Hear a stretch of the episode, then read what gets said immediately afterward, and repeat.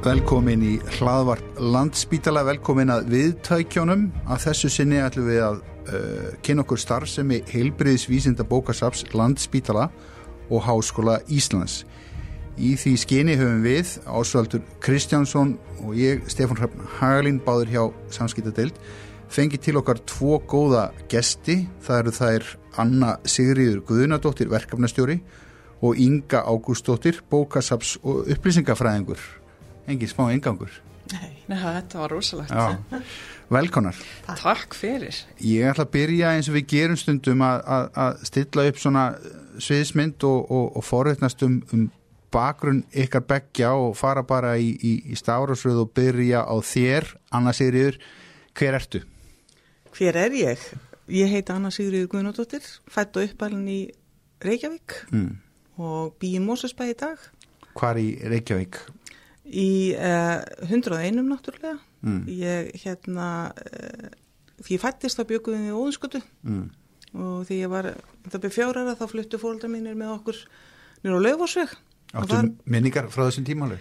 Ég, sko, ég á svona smá minningu frá flutningunum sko, þá, þá hérna, uh, þetta er náttúrulega landsíðan sko og þá, þá, ég hef svona smá glimsa því að hafa setið á litlum stól upp á palli, okkur skona pallbíl þar sem var fleira dót úr búsluðinu og ég satt þar sem sé á leiðinni frá óðunskötunir og lögusegu og þarna voru náttúrulega engin örgisbelti eða neitt mm. þetta, er svona, þetta er eina minningi sem ég ásamt um þess að flutninga sko mm -hmm. það var svona alltaf öðruvísi lífið fyrir 50 og þetta eru 56 ár síðan sko miðbærin er skemmtilegu staða til þess að alveg börn í bjóðan í nokkur ár ég held að, að sinni mínir hafa aldrei skemmt sér jafnvel Nei. og aldrei liði jafnvel það var fínt að, mjög fínt að búa þarna sko. engin umferð og mjög badvænt hverju og uh, segðu mér aðeins frá skólagöngunni hvenar hóst hún? Já, sko ég hérna, ég byrjaði í svo gott um vorskóla Já. það var hérna, ég held að það var bara týðkast að krakka voru sendir í vorskóla fórmaður, sem sagt eða í vor, fyrst byrjaði ég, nú mann ég þetta, betur fyrst byrjaði ég tímakenslu Já. það var út í bæ að það var bara eldri kona sem kendi mann að lesa. Já, ég fór í það upp úr 70 já, Send, sendur í næstu götu, 34 ára gammal að læra að lesa og, og skrifa og Já, það og þetta líklega var bara svona veturinn sem maður hérna ég var 6 ára. Já. Og síðan fór maður í vorskóla í skólanum sjálfum. Já. og þá var eitthvað svona já, undirbúningu fyrir, fyrir veturinn, sko, já, fyrir já. veturinn já og þetta var hérna ægilega mikið uppeyðuls og, og, og manni fannst mann alltaf verið orðin afskaplega fullur en að komast í skóla eins og sískinni sín sko. Og svo byrjaði ég sem sé í barnaskóla í hérna skóla sem ég heit miðbæðaskólin mm. og hérna í dag er kvennaskólinn til húsa í, í því húsi.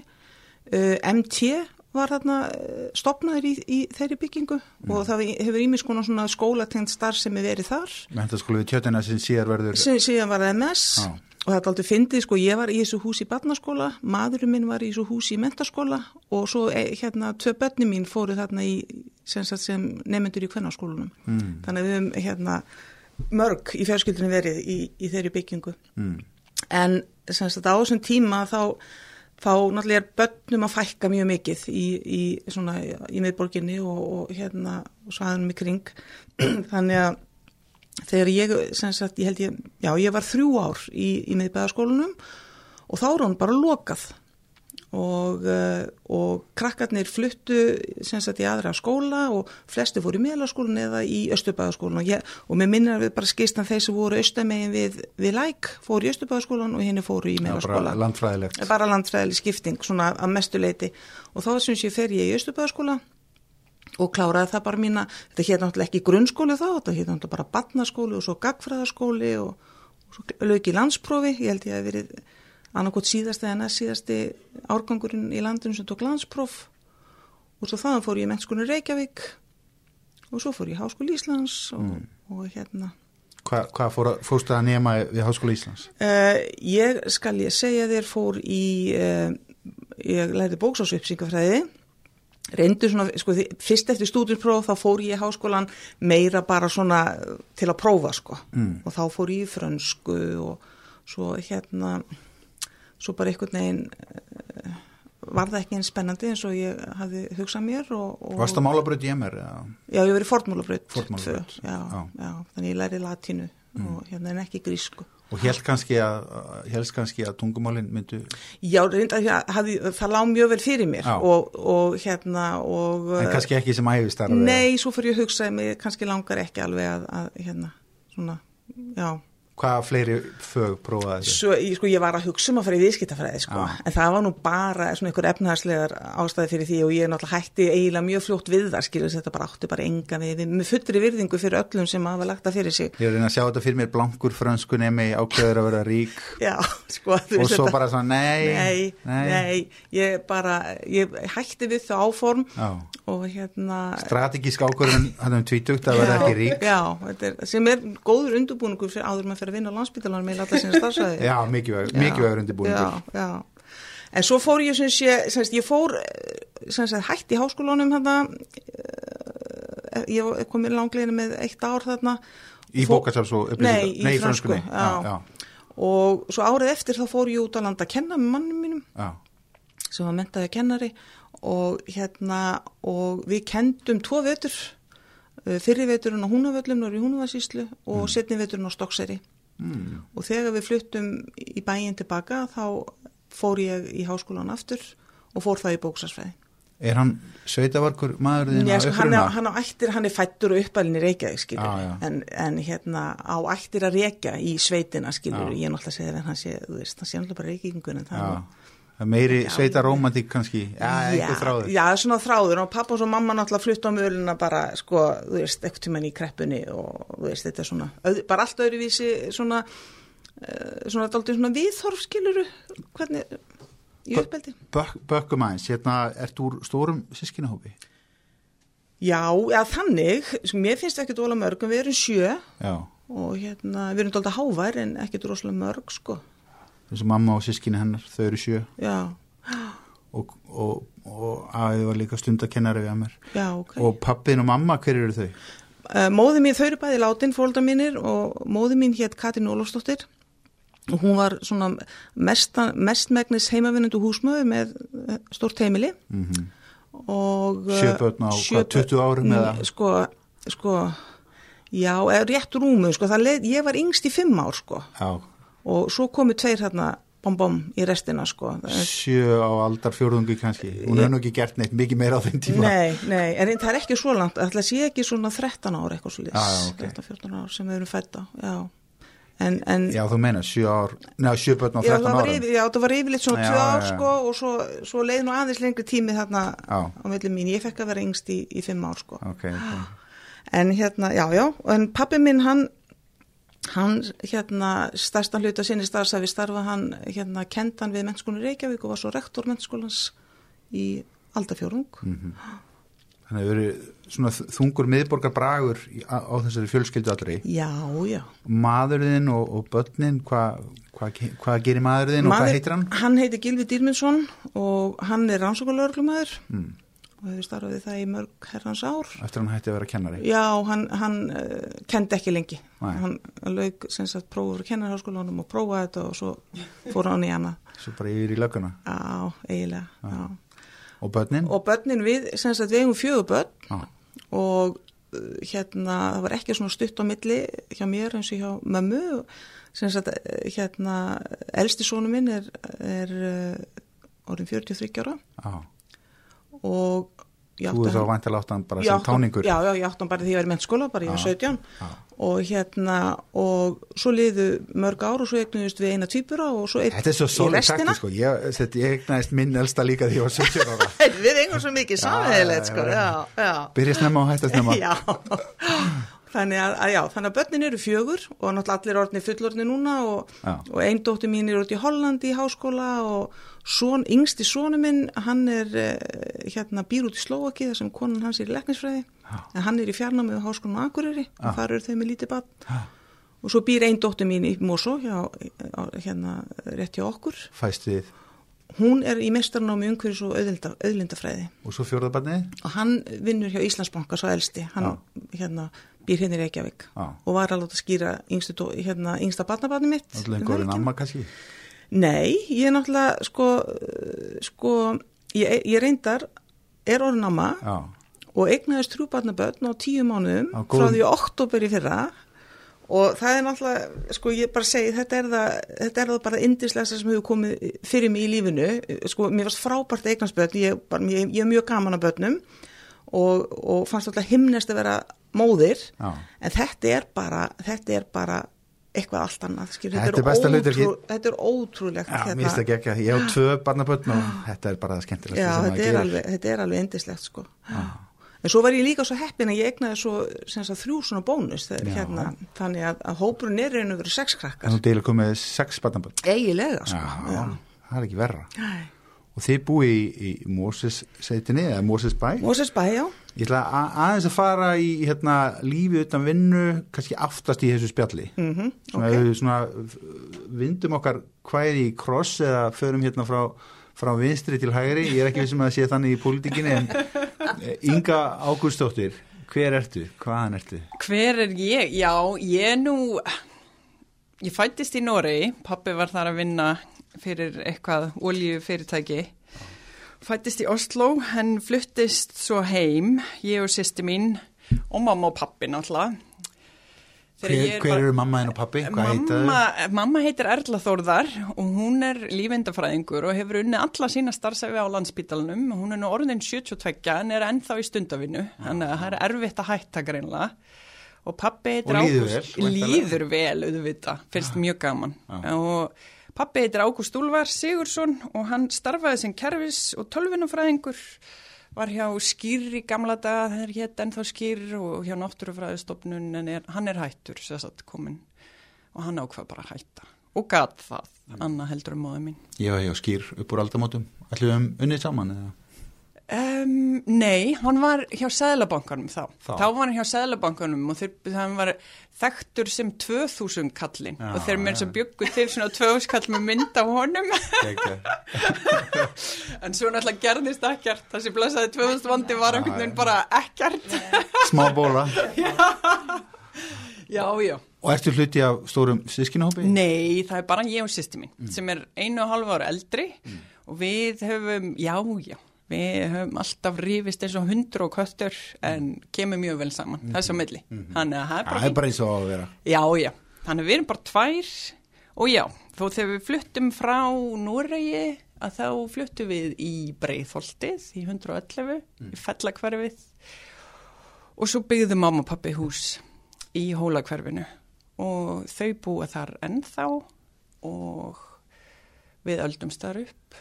Hvað, hérna, fellin og hólarnir Mm og, og, og, og hvaða skólar eru það? Breiðholtskóli? og- Nei, við byrjuðum reyndar, við byrjuðum báður í Ísaskóla. Var Ah. það að ég og Helga við vorum á leikskóla sem var rekin fyrir landsbítala börn Já, sem já. heitir, uh, hét allavega sólhlíð, ég veit ekki hvort það sé ennþá til Nei, nei, í dag. til, nei, hérna í Hlíðunum. Já, hérna í hlíðunum. Þannig að við byrjuðum í Ísaskóla og við vorum hópur landsbítala barna sem að löppuðum öll saman í Ísaskóla. Ah. Og svo þegar við útskrifumst í Ísaskóla fórum við í Hólubrugskóla. Kláruðum það. Eftir Hólabrekkutskóla, hvað þá? Uh, þá fór ég MR, Mm. var einmitt þar líka og fórtmála deild 2. Ég held að það eitthvað fylgi bókastafsfræðingum að því ég þekki allavega einni viðbútt sem var í MR á fórtmála deild 2. Og hvað er munurinn á 1 og 2? Eitt er gríska, Mm. eða veist, þessi fortgríska. Já, sko, það, það er ekki, sko, þú velur meiri í til tvö. Já. Já. Þar valdi ég til dæmis að læra viðskiptafræði ef ég má skjóta mér inn í þetta. Í, í, hæ, í Ég- MR? Já, ég valdi, ég valdi viðskiptafræði val. Ég sagði þér, ég ætlaði að verða rík. Já, ég man ekki, það var búið að banna það þegar ég var í MR einhverjum 20 árum síðar. Þú átt nú eftir góð 40 ár held ég annars er yfir þannig að að kannski lengi vona á einni. Já. Og svo er þetta, já, fórtmálabröð 2. Já. Varst í hvað, latinu þá? og- Já, ég á latínu og eh, svona ímislegt allskynstríð og grípdeildir og eitthvað fleira. Það situr nú vola lítið eftir en kannski eitthvað. Hvað tókst í valinu? Eitthvað öðruvísi? Eða? Það var rosalega lítið val. Já. Þú hlýtur að valið auka tungum, þú hefur valið tvent, sko. Já, þú, ég valdi Þetta- fyrst fransku og svo valdi ég þísku. já, eins og ég, já. En það var ekki, ekki meiri tungumál, svo tók ég eitt, eitt vetur í listasögu, en það var Þá meira bara...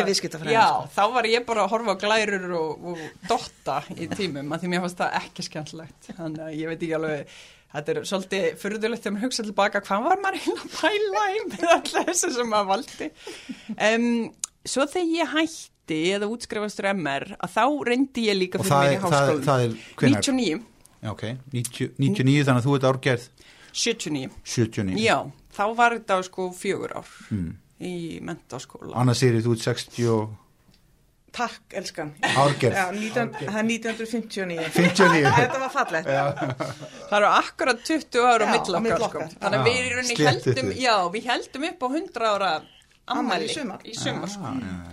Um, byttu nú við. Já, þú ert að klára hana ég er að klára, Já. þá byrja ég að vinna í sumavinnu hjá Seðlabankunum líka. En hérna byrja svo í háskólanum byrja í bókmyndafræði þar að því að mér fannst svo gaman að lesa og það var bara barið úr mér strax og mér var sagt að ef ykkur finnst gaman að lesa að þá hefði ekki verið bókmyndafræði þannig að ég hætti í því og byrjaði bara að vinna á skrifstofu og fór svo til Fraklands í frönskuna þannig að það er greinilega líka einhver svona þráður. Var þetta svona klassist, fórstu til Montpellier eða eitthvað? Já, Já, algjörlega! Þetta er bara, þú veist, já, einmitt. Maður var, mað var svolítið klísja, sko, á þessum tíma. Það En voru, allavega- voru allir? Og það var voða mikið um að fólk vildi finna sjálfan sig. Þetta var eitthvað svona en, þú veist, Fannstu þið út í Montpellier? Nei, reyndar ekki. Ég, þú veist, var svo sem bara tvítug að skemmta mér úr lífinu eins og maður gerir já. þessum árum líka bara aðeins að læra að standa á einn fótum. Ég, þegar ég kom til Montpellier þá hefði ég tekið hana hraðlegst frá París og, og það hefði eitthvað klúðurast hótelbókunin mín. Þannig að hérna ég stóð þarna ein í, í myrkri fyrir utan hóteltvítug og hafði eiginlega gert voðalega lítið sjálf. Það verður alveg að viðkennast. Og hérna, og svo hitti ég einhverja franska fjölskyldu sem sá auðmur á mér og þau kerði með mig út um allt. En máli var það að það voru engin laus hótel að því að Gandhi var á staðnum að halda einhverja ræðu. Þannig að maður eiginlega getur ekki planað svona hluti. En þau allavega fundi eitthvað hótel fyrir mig að lokum. Þannig að þetta var, ég man einmitt að því ég, ég ringdi í mömmu og sagði, heyrðu þú verður að hjálpa mér. Og hún var bara, ég get eiginlega ekkert gert Nei, Ég er sko. bara hér sko. Nú verður þú bara að finna út En já, já, en þetta var voru gaman. Og svo bytti nú við, hvað ger ég svo? Svo var ég ekki alveg búin að ákveða hvað ég ætla að gera, þannig ég kom heim og byrjaði þá í fyrsta skipta að vinna á landspítalanum. Og þá var ég að vinna hjá mömmu á rannsóknastofinni, bara sem svona aðstofamanneska. Og svo fór ég aftur til Fraklands, var greinilega ekki komin nóg að því og fór þá til Avignon, þannig að maður er bara alveg að bæta við klísjunum. En þar var ég svo heppin að ég hitti tilvonandi mannin minn, þannig að það var nú ekki, hann var bónus í þeirri ferð. Já. Og svo kom ég heim og fór í frönsku í háskólanum og kláraði það með þess að. Já. Og svo, já, hvað gerði svo? Svo flyttist ég til Írlands, kláraði þar þýðingafræði, meistaranám og bjóð þar í nokkur ár. Fór svo til Suður Ameríku í smá ferðala og flyttist svo til Bretlands, til London og var þar svo bara meira og minna þanga til að ég ákvaða að fara í bókasarsfræði, var komið nóg af lífinu sem að ég var í þá í London og Hvernig lífi? Varst bara, ég bara vinna, ég var að vinna hjá ráðgjafa fyrirtæki, við vorum sem sagt ráðgjafa fyrirtæki sem var að um, var með svona módel að sjá fyrir hvað svona kólefnis svona um, carbon units myndu kosta Mm. og við vorum sagt að spá fyrir um það og svo var fólk að Þessu svona umhverfis ráðgjöf Já, svona þannig laga séð. Við vorum í rauninni, allir kunnarnir okkar voru ekki beint svona einhver umhverfisvæn fyrirtæki. Nei, bara nei, bara fyrirtæki reyna að finna út úr hvernig þið getur minka kólunisfótspori í, í rauninni að finna út úr hvernig hún geti grætt á því Já. að láta aðra minka kólefnissporið. Þannig að þetta var svona svolítið svoleiðis og þetta var svolítið, þetta var svolítið mikið hark. Ég, þú veist, ég var oft mætti vinna á klungan 5 til þess að tala við Ástralíu og maður var aldrei komin heim fyrir svona 7-8 á kvöldin. Þannig að Þannig að hjartalösir kapitalistar og þú græti fullt af pening en varst ekki alveg að finna það í þessu Nei, nei, nei, nei. Svo fór ég í fjarnámi í bókastafsfræði ákvað hérna að byrja í því, ákvað loksins að, að nýta sérst, þessa ást mín á bókum. Já, fara aðeins tilbaka í Já, upphafið einmitt. Það var greinilega eitthvað sem að fóra aðeins hérna, kannski þessi Frakland eða eitthvað að finna sig. Það hefur ekki alveg virkað, þannig að ég þurfti að gera eitthvað, gera eitthvað nýtt. Já. Og kláraði það við HÍ og það var í raun bara út af því að það var ódýrara heldur en að læra úti. Ég var í fjarnámi á meðan ég var að vinna og kom svo heim í smá tíma og svo því ég kláraði það þá fyrir ég aftur út og gæti náttúrulega ekki sagt skilið við kapitalismanna því ég fór að vinna fyrst hjá KPMG og svo hjá Önstin Young þannig ég get ekki hægt sko. En það var bara fínt það var ekki svona rosalega mikið, mikið harka eins og ég hef svona minna ráðgjafa fyrirtæki en það var Önstin Young þá, ég menna við vorum í skrifstofu sem voru cirka 6.000 bara í byggingunni Mhm. Þannig að þetta var svona bara stórt fyrirtæki og mikið batteri. Mhm. Og býðum nú aðeins hæg, núna verð ég aðeins að hugsa. Svo fluttum við til Brighton og það var alveg bara frábært. En þá náttúrulega breytti ég aðeins að þá byrjaði ég að vakna alltaf klukkan 5 á mondana, taka lest upp til Brighton, vinna, hætta svo klukkan fjögur og taka lest tilbaka og vera þá komin heim á svona skikkanlegu tíma. Þá... Stutt á milli, Brighton frábær borg en hún er bara í hvað, hálftíma? Eða? Nei, nei, nei, nei, það tekur allavega ein, e, yfir eitt klukkutíma. Að fara með lest? Já. Já. ef þú ferð til London Bridge, það sem Önstin Young er, ef þú ferð til hérna, Victoria, að það er aðeins stittra, það, hún stoppar ekki eins oft, sko. En það var bara, já, æðislegt, svo egnaðist ég bæði börni mín að núti og við keftum hús og, og allt, en Í London eða Brighton? í Brighton, Já. eða reyndar í, maður segir, það er eitt sem maður segir í Brighton, maður segir allir sem er búið í Brighton, tala um Brighton og svo er Hóf sem er vestan við. Og það er svona fýtnakverfi þannig að ef fólk spyrði, já býrði Brighton og þá svara fólk sem býr í Hóf að það segir no, Hóf actually. Og, þá, og þannig að Hóf er einlega kallað svona Hóf actually og það þykir svona frekar snoppað að segja það. Já, en, ok. en við keftum svo að í Portslade sem er hérna ennþá vestar og það þykir mjög ófínt hverfi. Þannig að þú fer frá Brighton yfir í, yfir í Hóf sem er svona garðabær Brighton Já, já, algjörlega. en þú fer aðeins lengra og ert þú aftur komin í fellin Já, þú ert eiginlega komin í fallin, sko. og þá var, já, og þá getur maður sagt, sko, þá var svona Brighton Hove actually eða Portslade unfortunately. Og það var svona, Ok. þannig við allavega áttum eitthvað skilti sem sagði það. En okkur er rosalega vel þar. Það er bara alltaf skemmtilegt að búa einhvers þar það sem er svona á mörgum stöðum þar sem fólk kannski eins og í hófa þá ertu kannski ekkert svo mikið að hugsa um nágarna þannig séð. En í Portslade og það, maður þekkti alla það voru allir alltaf að hugsa um annan. En ég meina jújú, jú, auðvitað, þú veist, aðeins meiri glæpir og allt það en, en það eru svona kostur og gallar. Og ég myndi alveg, þú veist, núna er þetta hverfi, sko, það er kaffihús alveg hist og pist á hverju götuhotni og organísk bakari og þú veist og örgulega ekkert herri glæpatíðni heldur en hver annars þar Nei, nákvæmlega, nákvæmlega. Maðurinn, hvað heitir hann? Hann heitir Philip Farren og hann er írskur.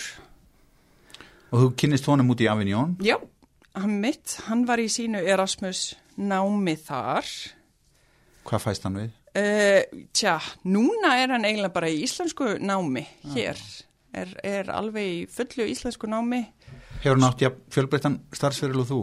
Já, hann var í svona um, lengstaf í London og Brighton var hann að vinna um, þegar að uh, náttúrulega stjórnmálinn skiptast og svo leiðis að það eru alltaf peningasettir í nýju og nýju verkefni og eitt verkefni sem að sem að íhalsflokkurinn kom með hann að 2009-10 þegar þeir voru kostnir inn að það var að koma öllum sem voru atvinnuleysir yfir í vinnu. Þannig að þeir settu rosalega mikið peningi í það og hann vann sérst sér ráðgjafi. Þá fá inn fólk sem að var búið að vera langtíma atvinnuleust og Já, hjálpaði þeim að með ferilskrána, hjálpaði veist, bara aðeins að Svona í byggja þau vinnumála stofnunar hlutverki Já, svona, þannig séð en ekki mannauðsráðgjöf. Já, svona þannig séð en ekki samt svona eins og vinnumálastofnun ekki, þú veist, þetta var ekki reykjafinn og opinbörð, það voru minni fyrirtæki sem sáum þetta, Já, já, svona, útistöð til þeirra. Já, algjörlega og svo, svo breytti breytti hann aðeins um og fór að hjálpa fólki sérst, að byrja með eigin fyrirtæki. Mhm. það er óbúslega mikið af fólki sem að passar ekki inn í þetta típiska, ok, ég ætla að sitja hérna við skrippborð og ég ætla að hamra inn einhverja tölur eða setningar eða hvað sem er Já, hljóma svolítið bara eins og þið báar En já, Allan og svona framan af svona framan af þú, já, já, þú veist ekki neitt, sko, við, hérna, við erum, ég er alveg inn í þessum kassa held ég, sko, Já. ég get alveg setið og, og þi inni hjá á þinn hátt Já, já, Nýkominn til okkar verður hjá okkur næstu 30 árin. Já, við sjáum til með það. Hvar búið þið? Núna búum við ennþá í bregðaltinu. Já. Við búum sérstaklega í, í hérna, hjá mamma og pappa. Já. Við vorum, vorum bara klára að selja þið eru náttúrulega bara, já, þið eru náttúrulega bara rétt að lenda hérna heima. Já, já, þetta tekur bara sinn tíma og, en mér líður rosalega vel aðna. Ég, hérna, þekki alla. Það- Þetta er svona svolítið eins og Ramsey Street gatan, sko. Man er alltaf að tala við nágranna og það vita allir allt um alla. Þannig að bara mjög fint, sko. Heldur þú sett komin til, eða fann að færast einhver ró yfir þig, heldur þú sett komin til þess að vera í þessu fæi á þessu stað? Já, allavega í þessu fæi. Já. Mér ég alveg bara allt að kenna eða þú veist að gera leitir eða heimildaleitir finnst mér eiga rosalega vel við mig Já. og mér finnst mjög skemmtlegt eins og bara það að gera leitir fyrir aðra þá er maður svona að kynnast nýju og nýju viðfangsefni. Þannig að maður er kannski ekki sérfræðingur en svona í smá tíma, kannski tvo daga þá er maður að lesa allt um kannski einhvern sjúkdóm eða meðferð eða hvað sem er. Og það er rosalega skemmtlegt Þú finnur þið vel í upplýsingafræðinni. Já, algjörlega. Og þá skulum við skipta aftur um takt, færum okkur frá hægri yfir til vinstri, mér séð frá. Um, annars segir við, segðu okkur aðeins frá starfsemi bókasafsins. Hva, hvað, þú hefur verið hérna síðan 88 með, með hlýjum, ert verkefnastjóri safsins. Segðu okkur frá starfseminni og hvað þið fáist við og kannski bara kannski byrja aðeins á bakgruninum. Já. Uh, hvernig safni hefur þróast, Já. smá um söguna. Sko, hérna, já, ég er búin að vera hérna vera minna frá 1988. Uh, Safnið var stopnað með minni 1968 og þá náttúrulega er þetta bara safna, stopnað sem klínist safn inni, með, það var upp á fjórðahæð í gamla spítala og þetta er bara svona lítið spítalasafn. En það vex samt ótrúlega rætt og hérna og, og, og þarna var sérhaf starfsfólk, eiginlega strax frá byrjun og uh, síðan, síðan gerist það hérna 1986 að safni flytur úr gamla spítalanum yfir í Eirberg og þá var komið svona viss samstarf á milli, hérna, milli uh, hjú, sko þá var hjúkuna skólinn hættur og, og hjúkuna fræði komin inn í Háskóli Íslands og það hefði verið samstarf í hjúkuna skólan og síðan við námsbreytina í hjúkunafræði sem náttúrulega var hérna til húsa í þessari byggingu og náttúrulega hjúkunafræðin er þar enn í dag. og, uh, og, það, og á þeim tíma eru þá tvö söfn í því húsi, það er söfn hjúkunafræðiskólans eða, eða námsbreytur í hjúkunafræði og svo okkar söfn niðri. Uh, og svo saminast þau og, og, og svona og þetta samstarf við eh, háskólan eh, svona eikst svona smám saman í gegnum tíðina. Og, uh, og fyrst var það hjúknarskólinn, síðan kemur samstarfið við, við læknadeildina og svo aðrar, aðrar greinar. Og svo er það 2013 sem að hérna er gerður bara formlegu samningu milli þessara stopnana tvekja Háskóla Íslands og, og landsbytans um samrekstur á þessu bókasafni sem að geri það þá á að sagt, tvískiptu safni ég vil ekki að segja við séum tví klófin en, en við erum sem sé klínist sapt til að styðja við þá starfsemi sem fer fram inn á spítalanum, klínist og náttúrulega rannsóknar tengt og síðan háskólabókasap fyrir, fyrir helbriðsvístas við Háskóla Íslands. Og uh, sapnið, það er nú ímislegt gengið ásamt í rekstri þessar saps uh, í dag eru störfuðu bara fjögur á sapninu og uh, að mínum mati er það aðeins og fátt starfsfólk en við sjáum bara til hvað framtíðin byrja skauti sér með það. Uh, það voru, var svona upp úr og um aldamótin síðustu þá náttúrulega var, voru spítalætun og höfuborgarsvæðinu saminaðir og þá voru saminuð all bóð, allir spítalætun voru með helbriðsvísta bókasafn og þau voru saminuð í eitt og upp úr því var náttúrulega fjöldumanns að störfum, það, það misti engin vinnuna við það þannig að, að, að það held allir sínu störfum og en ég, mér minnir að við hefum verið þarna sko kannski 2005 til 8 sko ég sem við hefum verið sko 12-13 sem, sem að störfum en nota bene, það voru alltaf í tímar sko, við, þegar við erum að samina söfnunum aldamótum þá erum við í raun og vera að samina prent bókasöfn. Uh, í dag er það þannig að sko maður kannski segja að, að sko, við, við kaupum einstakarsinu prenta efni en við kannski kaupum tíu bækur ári prentaðar, annað, allt annað er rafrænt. Og, og það náttúrulega bara Er þetta mikill bókakostur? Já, sko eh, sko við hérna við erum náttúrulega, þetta er svona pínu flókja því við erum líka sko þáttakundur í þessum svo kallar landsagangi rafrænum gögnum og landsbytalinn greiður stóra fjárhæðir inn í það þar fyrir utan þá erum við að kaupa sérstaklega fyrir bókasafnið uh, sko nokkur hundru titla af vísindatímaritum á öllum, öllum, uh, á öllum fræðasviðum og hérna og síðan kaupum við sérstaklega gagnagrunna þess að það er ekki nóg að, vit, að vera með tímaritin þar sem að vísindagreinar eru skrifar, þú ert líka þú ert líka að hafa tól til þess að finna þær mm. og til þess eru gagnasöfnum notið því það eru svo okkur bókfræðileg gagnasöfn mm. og það eru skráðar inn þar greinar sem að hafa byrst og það er þessi leit sem yngar að tala um þá leitar hún í þessum eða við í þessum, þessum gagnasöfnum til þess að finna það sem er skrifað í, í, í vísindaritin og svo eru við náttúrulega með rafræna bækur en það, ég verð samt að segja sko að rafræni bókakostur nokkra er ekki alveg nógu góður. Hann, hérna,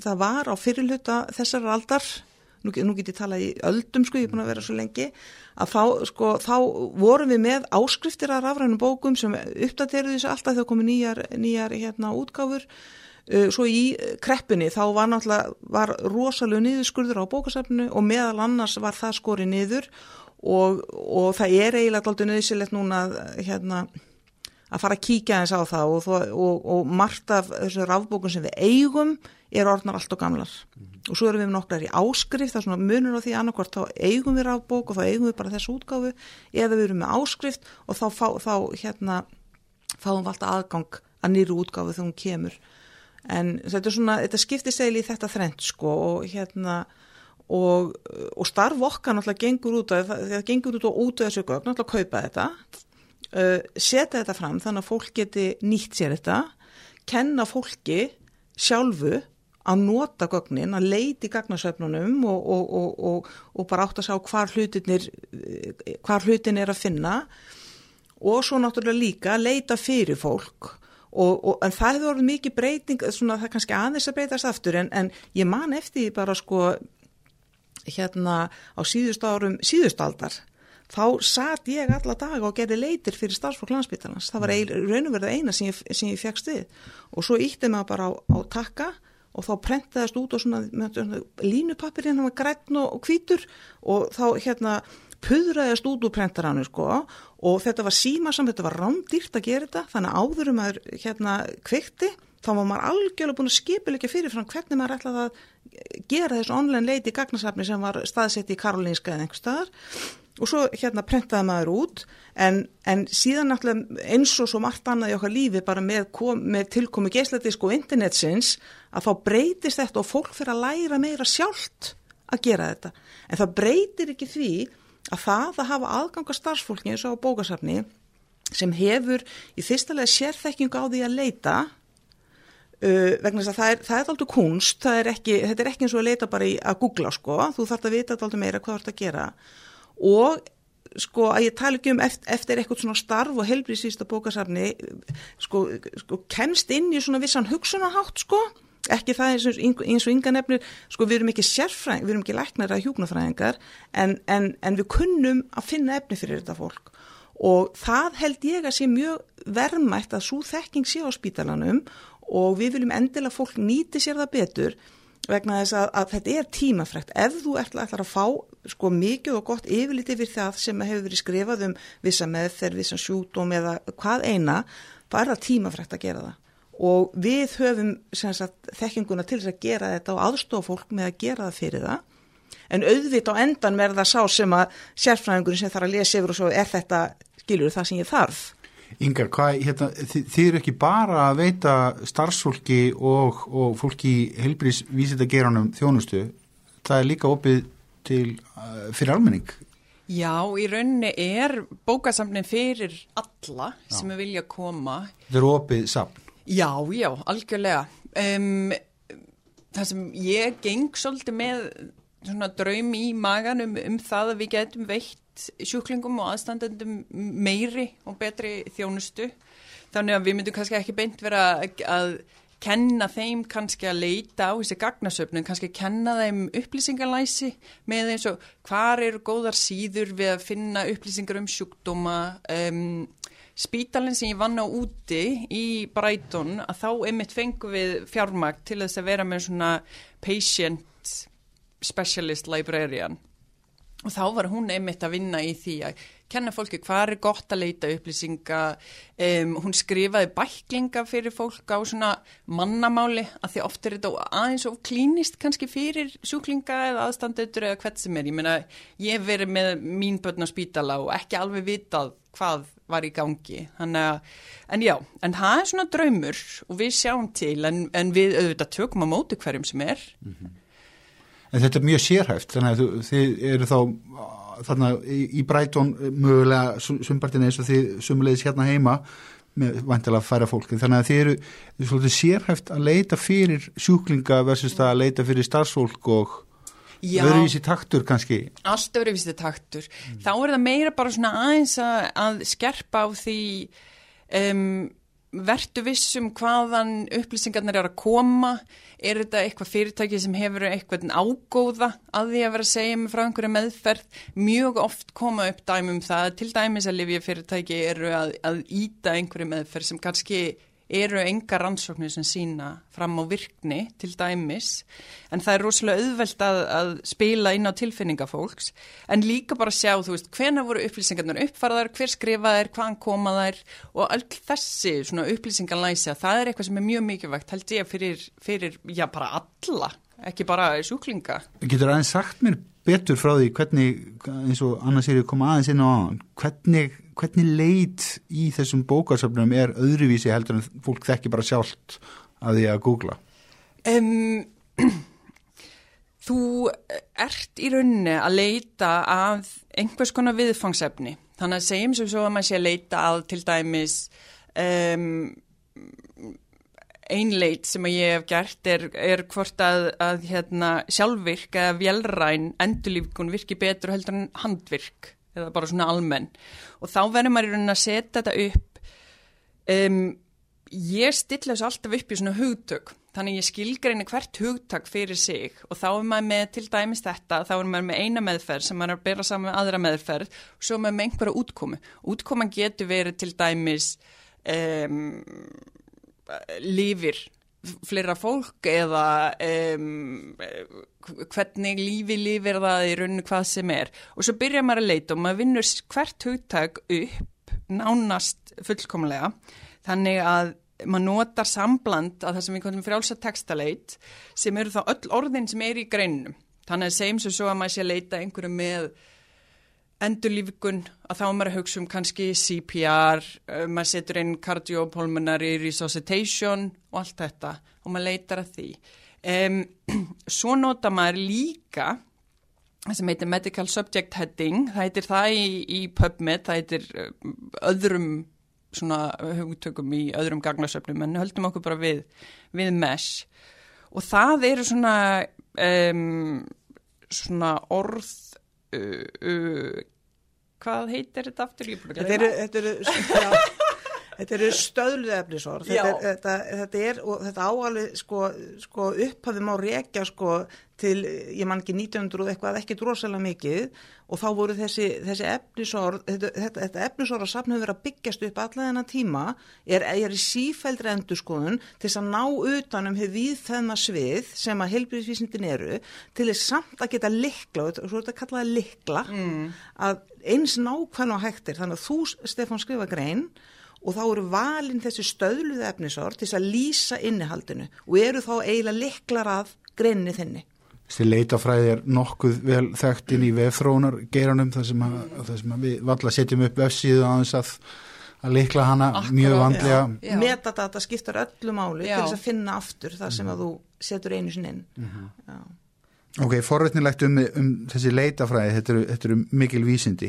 Hvað hérna auðvitað þannig laga fjarar undan þessum fysisku bókarsöfnum í kannski kringum aldamótin þegar hérna svona internetið nær einhverjum þroska og útbreðslu og svo fara bara gísladiskarnir að hverfa og, og hvaðina það eru ótrúlega hraða breytingar á svona tiltölulega stöðnum tíma.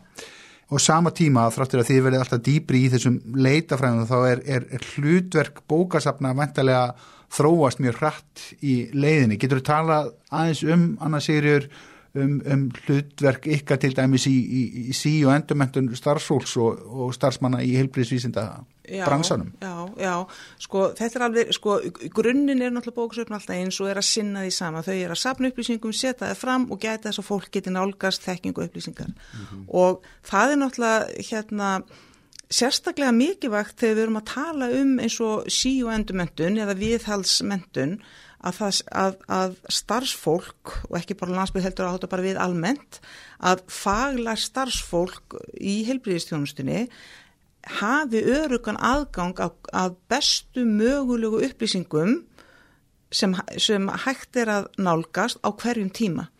Uh, nú er það alltaf þannig að við gerum okkur alveg grein fyrir því að við, við getum aldrei, við, við, við höfum ekki fjárma til að kaupa og versla allar upplýsingar, allar bækur, öll tímar, öll gagnasöfn. En, en á bókasöfnu er þekkingin til þess að finna þetta og ég held að sé sífælt mikið verð vegna þess að líka með þessari breytingu sem þú myndist á og, og vorum að tala um áðan um, um, um, um sko, sem gerist með þessu fræga alneti að sko upplýsingaflóðið er svo svakalega mikið. Og, og, og það er þá tel ég svo mikils virði að fagstarfsfólk hafi aðgang á fólki sem getur hjálpaði að svona, hvað get ég sagt nú dettum bara hjá sletta að kondensera uh, sko innihaldi, þetta er alltaf hræðilegt að segja þetta í íslensku hlaðvarp. Er þetta ekki bara að greina hismið frá kjarnanum? Já, kannski til dæmis, en sko maður minn hlust ekki á mig að tala svona, já, en hérna sko vegna þessa líka sko og svo vitum við að það er sko framfæriðnir í, í, í vísundum, framfæriðnir í þekkingu í, á, hérna, á heilbyrðisvið eru svo miklar að að það að hafa þetta aðgengi, hvort sem að þú getur séð um það sjálfur að, að náðir alltaf í þessa þekkingu og bestu mögulegu þekkingu á hvernig tíma eða þarf aðstóð frá sérhæðu starfsfólki bókasafsins að þá er þetta bara alveg ótrúlega mikilvægt, mikilvægt hlutverk sem við höfum að mínu mati og hérna og ég skil ekki það að, að, að einhverjum detti það í hug, ekki ég ætla ekki að segja einhverjum hér, hér detti það í hug en að einhver stað að detti einhverjum í hug að reyka heilbríðistjónustu á þess að reyka í leiðinni upplugt heilbríðsvístabókarsafn og þá eru við ekki eins og byrjuð að tala um yfkunum vísinda. En og þau eru yfku innan þessa spítala. En haldið þetta sé ekki líka bara hluti af, af eðlulegum viðbróðum um, þróara samfélaga við uh, þessari falsfrétta fake news þróun að fólk geti allan að reyt sig á að, að geta leita til einna stjættar um Akkurat. um að fá, fá leiðsögn.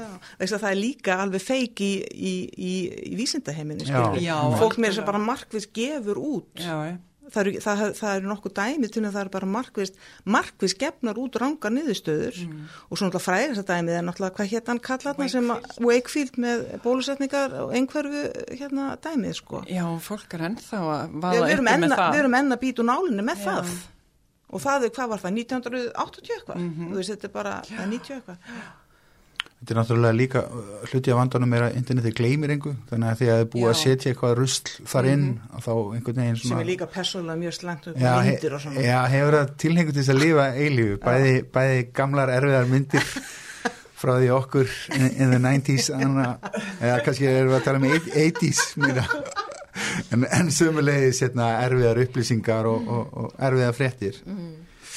Ok, þetta er skemmtilegt. Um, Fleira um bókasafnið Um, Háskóla kennsla Já, við náttúrulega kennum og það er eitt af í svona skemmtilegra sem að maður fæst við líka og þá er maður að kenna háskólanemum. Ég kenni þeim uh, bara á leitirnar, þá er maður svona aðeins að hjálpa þeim með... Þið erum með litla stofu? Já, við erum með litla stofu og ég er nú að fá hérna uh, tvo, tvo hjúgrunafræðinga á morgun í smá kennslu og þá verður það bara fyrsta held ég, svona almenna kennslan í þessar, þá výjum við stofuna, já, ég veit ekki já. hvort maður splæsi kannski í BKI kaffibotla landsbytala ruttan já, já, en hérna já, og þær vilja sérst svona aðeins fá að rifja upp, þær eru að byrja í, í námi einhver starf erlendis og vilja aðeins fá að rifja upp svona leitir og svona allskynns, þannig að þær eru nú þekkir þetta nú vel nú er, er vitniskefum bókasafni vantilega nokkuð almenn á spítalunum og hjá háskólanum en er ekki bara mikið að þetta fólk rétt upp hönd og leiti til ykkar og fái kennslu og... Jú, endilega og sko við gerðum, við, við gerðum nú svona átaki fyrra þá, þá auglustum við að við getum komið þá vorum að mæta inn á, þá voru oftast deildarfundir eða e, læknættir okkur vissi deild voru að hitta segja jafnvel all deildin eða hjúkunarfræðingarnir mm. þá komum við inn með svona stutta kynning safnunum. Já, smá demo, já, smá sínikenslu. Já, smá sínikenslu og núna erum við komið með semst bara inn á, semst við erum náttúrulega flutt í Eirberg aftur mm. og við erum með reyndar minni að hérna kennslastöð þar en við vorum með í útleðin á, á Rauðurastíg en hérna, en við getum á móti sem sé 6-8 manns þar. Og planið okkar er að, að bara þegar við erum aðeins sestar eftir þessa flutninga sko að, að, að auglýsa það að fólk getur komið, hérna, getur komið til okkar í kjenslu, við ætlum að auglýsa vissnámskeið þar en svo endilega bara fólk að gefa sér fram og annarkot að koma til okkar eða ósk eftir að við, við erum færanlegar sko mm -hmm. og við getum komið inn á, inn á, inn á deildirnar og, og vegna þess að það líka það er alltaf einhverja breytingar við til dæmis og að taka í nótkun nýtt aðgangsstýringakerfi og hérna þannig að það er alltaf eitthvað sem breytist frá ár frá ári og, og hérna þannig að við kvetjum bara fólk til að hóa í okkur sko. Sniðut það sem þetta að gera er að halda svona námskeið í, í, í ringsal mm og auglýsaði vel upp og takaði upp og senda út í beitniði útsettingu og svo verður líka til upptaka eftir sem fólk getur þá að horta á Já, já Þannig að það væri nú sniðut eða það væri hérna samskiptadeild á þessum spítala sem já, við getum rætt eitthvað við. Já, þú getur kannski bent okkar á þá. Það er kannski spurning. Kom ykkur í samband. Hana, en ég var líka alveg til í að, að líka koma því að þetta er ekki náttúrulega bara fyrir klínist starfsfólk. Nei. Úti í Breitón vann ég fyrir hérna allskins ráðamenn sem voru eitthvað að möndla með peninga og svo leiðis og þær voru einmitt mjög mikið alltaf að byggja um leitir. Til dæmis mjög algengleit sem ég gerði var um hvernig getur við minkaflæðið á bráðavaktina. Það er alltaf sama, sama Já. hvar í heiminum maður er, það er alltaf sumi vandamál. Já og hérna og þá bara til hvaða ráða hafa menn gripi til þess að fóst við tiltekin vanda já, innan helbriðskerfisins þá eru, eru einhverjar case studies eða rannsóknir sem sína fram að þetta og svo er mitt setið bara saman í fallegan pakka og slaufu mm -hmm. og skila leitt Sniðið, þannig að þetta hendar pólitíku sem vel, já, fram, bara líka bara í einanlóðspolítík og, og stjórnun og öðru slíku? Já, bara öllum, ég meina það er fullt af starfsfólki hérna sem er kannski ekki beint að vinna í klíník eða er ekki einhverju stjórar en hefur fullt af góðum hugmyndum og langar kannski bara til að sjá, hei, gæti þetta virkað? Mm -hmm. Þú veist, gæti við breytt til dæmis í blásara í staðin fyrir handfyrkur á ekki klíniskum klósettum, mm -hmm. þú veist, mhm. bara allskynns pælingar mm -hmm. og ég er alltaf til í að, að skella í eina góða leit eða, eða hjálpa fólki mm. og svo held, ég held að við daldi, svona, hafa daldi ára útnunda hjá okkur sko, sem sagt vísinda starfsemi spítalans vegna þess að hérna, hér er náttúrulega stunduð töluverð vísindastarfsemi um, og við styðjum við hana náttúrulega og, og vísindastarfsemi verður náttúrulega ekki öflug nema með og kem ég aftur að þessu með aðgangi að bestu mögulegu og nýjustu þekkingu. Þess vegna eru við, að, eru við með áskrift á svona mörgum tímaritum við, við, við þurfum alltaf að geta skaffað það nýjasta það, mm -hmm. það, sem, það sem er að gerast sko, og hérna og, og stuðningur við vísindastar sem er líka stór hluti af okkar, okkar starfi.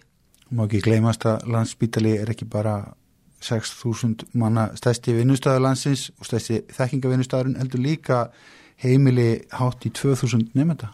Já, já, ég meina það er alltaf mjög margi nefnendur hérna og við, sko varandi kennsluna þá, sko, þá erum við, sko, þá, þá kennum við í námskeiðum inn í, hérna, inn í deildum heimlisvístasviðs Háskóli Íslands. Við erum ekki með, semst það er ekki sér námskeið hjá okkur, heldur komum við inn í og þá er oft eitthvað svona verklagsnámskeið og þá komum við inn með fyrirlestur og síðan dæmatíma hjá, hjá nefndum, það er yfirleitt skipt þannig. Og ég held að sé sko flestar deildirna þar er að fá okkur til þess að kenna nefndunum uh, við komum þá inn á, á kannski einu sinni sömstæða tvísar í grunnámi og svo alltaf meira og meira í mestaranáminu mm. og hérna, og til og meins læknaneimina, við hittum læknaneimina þegar þeir eru á þriðja ára er að ferja rannsókaverkefni þá, hérna, þá komaði til okkar. Þannig að, að, að svona við erum Við, gegn, sko, við erum að, við eiginlega náum heila allar hringin. Já, ég heyrði að mikill sveigjanleiki í starfseminni. En svo ég taki upp þann þráða spyrja fólk spjörunum úr. Aðeins hérna förum aftur í ykkur tvær svona smá, smá personu, personulega spurningar í slúti. Hvernig er lífið utan vinnu, Inga? Hva, hvað fæstu við? Ertu með einhverjar ástriður, einhver hobby? Já, nei, já, já, svo, já, já og nei. Ég er náttúrulega með tvö lítil börn. Ég byrjaði mjög sent í þessum blessu barnignum. Hann, uh, ég á eina þryggjára og eitt fimm ára og það tekur, tekur svona mest af mínum frítíma. En fyrir utan það fer ég bara í ræktina, er, með, er í óbúslega skemmtilegum hóp og, og finnst voða gaman að að fara þangað er náttúrulega í, í breiðholtinu eins og, eins og allt, allt verðist vera í mínu lífi. En já, annars bara líka við krakkana og hafa það næs. Og svona klassíst, hóra sjónvarp og lista bækur og hlusta tónlist Já, og ég reyndar að horfi eiginlega ekki á neitt sjónvarp í línulegri dagskrá lengur. Sko. að gera það nokkur. Njá, ég ég er reynda pínu oft krakkana mína til þess að gera það. að því að ég held að það sé svo holdt fyrir þau, sko. Þurfa að horfa á eitthvað leiðir til þess að fá eitthvað skemmtilegt. Já, já, En ég veit ekki alveg hvort að það sé rétt. Þau eftir að fara til, já, já, þau eftir að, að ræða það setna í lífinu sinu hvað mamma neittu til þess að gera. Er lítil. Hvað með þig, Anna Sigriður? Ég, hvað, e, þú ert í, í línulegri dagskrá eða hvað? Við Já. sá þér rétt, rétt fram þarna. Já, já, sko ég horfi í línleiri dagskrá og ef ég næ því ekki þá bara missi ég af.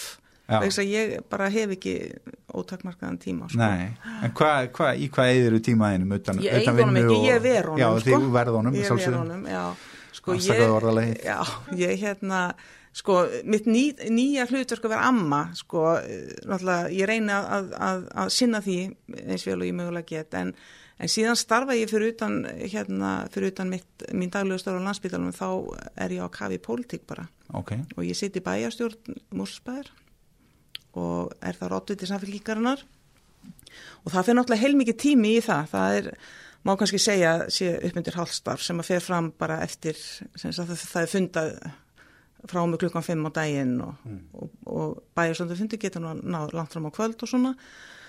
En það er bara, sko, þetta er náttúrulega, þetta er mikið vinna en rosalega gefandi og, og, maður kynni svo vel samfélaginu sem maður býr í. Og svo fær maður það ekki þess að hafa áhrif á það og, og, og, og ástæðan fyrir ég byrjaði, að því ég sé það á því, ég langar að vita akkur ég byrjaði þessu, að ég fór bara alltaf að hugsa sko, kringum aldamótin, að ég var alltaf, hafði skoðinir á öllu og ég var alltaf þusandi heima hjá mér um að hlutin ætti að vera svona eða hinsegin og svo horfðu börnum mín á mig ég hugsa með mér, ég get ekki, sko, maður ber ábyrðaði ef alveg börn í líraði samfélagi og það gengur ekki að þau venjast bara á það að, að, að mamma bara rífi sig heima. en þarna ertu hvað, sko, þú ert um fertut Já, og þú um ert dæmis svona kaffistofupolítikus, Já. sí, sítöðandi, Sítöðan. varst að ringi inn í, Nei, er ekki alveg. Nei, nei, nei. Ég í ekki svo- nei, ég var að röfla bara í fjölskyldin og vinum. fjölskyldunni? Já, já, já.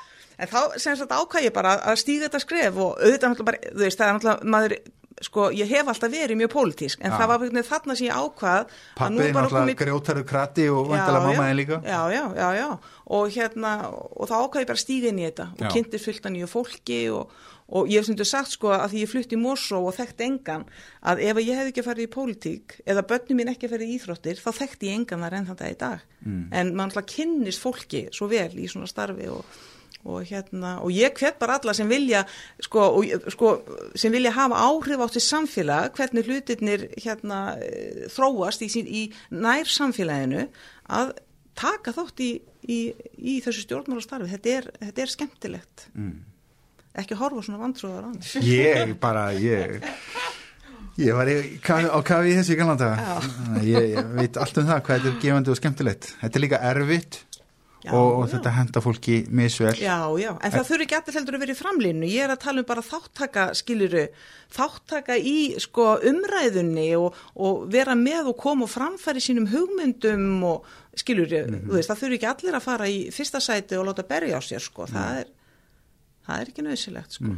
En þú kant nú vel við því í eða ekki? Já, já, ég geri það, ég, hérna, ég viðkynna það, annars væri ég ekki það sko, en það er náttúrulega, svo, ef, ef við tölum að þessu jafnvilsmálum bara kannski svona í lokin, að ég, ég hef trú að þessu fara að ljúka hérna þessu skemmtilega samtali, að, að sko, það náttúrulega hallar mjög á konur í sveitastjórnum í landinu og hérna, og helsta ástæðan er svo að konum er yfirlega ekki tristis að vera í átvita sætum. Mm. og svo förum við í kostningar eins og 2018 og núna sagt, þá koma nýjir, nýjir flokkar inn. Nú situm við, sagt, við, erum, við erum sex flokkar í, í hérna, fullur af sex flokkar í bæðarstátt músbæðar og þar er verið ein kona átviti mm og svo er ein kona í meirlutan þannig að við erum tvær konur af nýjum manns Er þetta útbreytt í setjastjóðunum? Ég sko, er, þetta er, sko, þetta er, sko, ég held, reyndar, sko, þá skána þetta aðeins síðast, skilst mhm, mér, mm -hmm. en, en þegar þú ert að horfa á setjastjóðunum eins og þessa nýju manna sem ég er í og þegar að koma, og það er bara gott að fá nýju frambóð, mm -hmm. að þá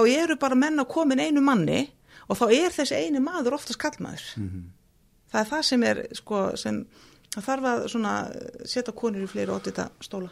Landspítali er þó, er þó heitna, öðruvísi vinnustæðar heldur en margir aðrir að því leitinu til að hér eru hlutvöldin 80-20 konum í vil og það er nú svipar hlutvöld meðal stjórnenda, þetta er svona, þetta er að færast í áttuna. Já, er, er hérna annað sériur búin með, er, er, erum með eitthvað trúbóð á bókasafninu? Nei, nei, nei, nei. Þú er ekki dótt í politist starf? Nei, nei, ég er, ég er endar, ég er flokksbundin í sósélistaflokknum en Já. það er bara út af því að, að hérna Ég er bara öll í einhverju svona grasrótar stemmingu, mér finnst það búið gaman og, og svo finnst mér einmitt, hún Sanna Magdalena sem er þar og komst inn í, í náttúrulega núna í borgastjórn, mér finnst hún bara svo frábær og hún er einhvern veginn ásum mikið sameinlegt með kannski mörgum sem er alast upp í bregðaldi, sem er alast upp í fellakverfi og mér finnst það bara frábært að einhver eins og hún og þessi flokkur sé að koma fram og sé í raunin að tala máli þeirra sem hafi ekki fengið að segja neitt til þessa.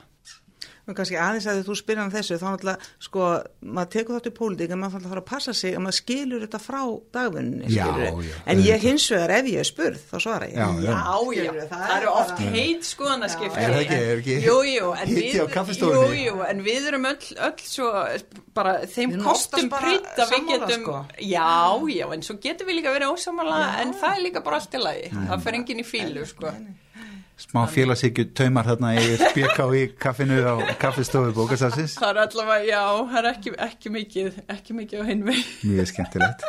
Gott að klára þetta aðeins á pólitískum nótum. Eða kannski ekki í svona pólitískum nótum heldur mikið að þess að taka þátt í, í, í samtalenu um, um, um samfélagið og taka já. þátt í pólitík og stjórnmálum og hafa áhrif á samfélagið. Já, ég held við höfum dekkað nokkuð vitt svið í þessu klukkutíma spjalli eitt sem að, hérna, sem að ég ætlaði svona að, að slúta þessu, þessu samtala okkar með. Ég hef lítið fuggl kvíslaðið að mér að, að þú lumir á lendum hæfuleika ynga, getur þú sagt okkur aðeins frá, frá þeim hæfuleika? Já, ég hérna var svona, já fyrir, fyrir nokkur síðan skulum við segja, þá, þá var ég Íslandsmeistar í langstökkján aðrinu og ég áða alveg til að taka nokkuð góð stökk á á gangnum, á Eirbergi. Innan og segðu utan? Það var nú bara innan sko. Var, var... Stendur mittið ennþá? Nei, nei, nei, nei Var þetta í unglingaflokki eða fullorðis? Nei, þetta var í unglingaflokki, ég held að það sé ekki eins og kefti langstökja á natrinu í fullorðin sko. Það er náttúrulega bara skandal Ég veit það, það er skandal Hún tækja það þá já, já. Og svo líka bara þetta eitthvað sem landsbytali þarf að skoða að búa betur að sínu aðverks fólki Algjörlega Setja upp langstöks að, að, aðstöðu einhver staðar. Kjallar hann um Já, algjörlega. Og það var hægt að mæla og svona, það var svolítið skemmt skemmtlegt Þetta er mjög skemmtlegt Við klárum þetta flissandi á þessum nótum. Anna Sigriður Guðnardóttir verkefnastjóri og Inga Ágústóttir bókasaps og upplýsingafræðingur. Báðar hjá sapninu með langa nafnið Hilbriðs vísinda bókasapni Landspítala og Háskóla Íslands. Eh, Takk kærlega fyrir spjalli takk fyrir komuna. Hlaðarp Landspítala heilsar nýjum degi eftir viku. Sjáumst. Já, takk. Takk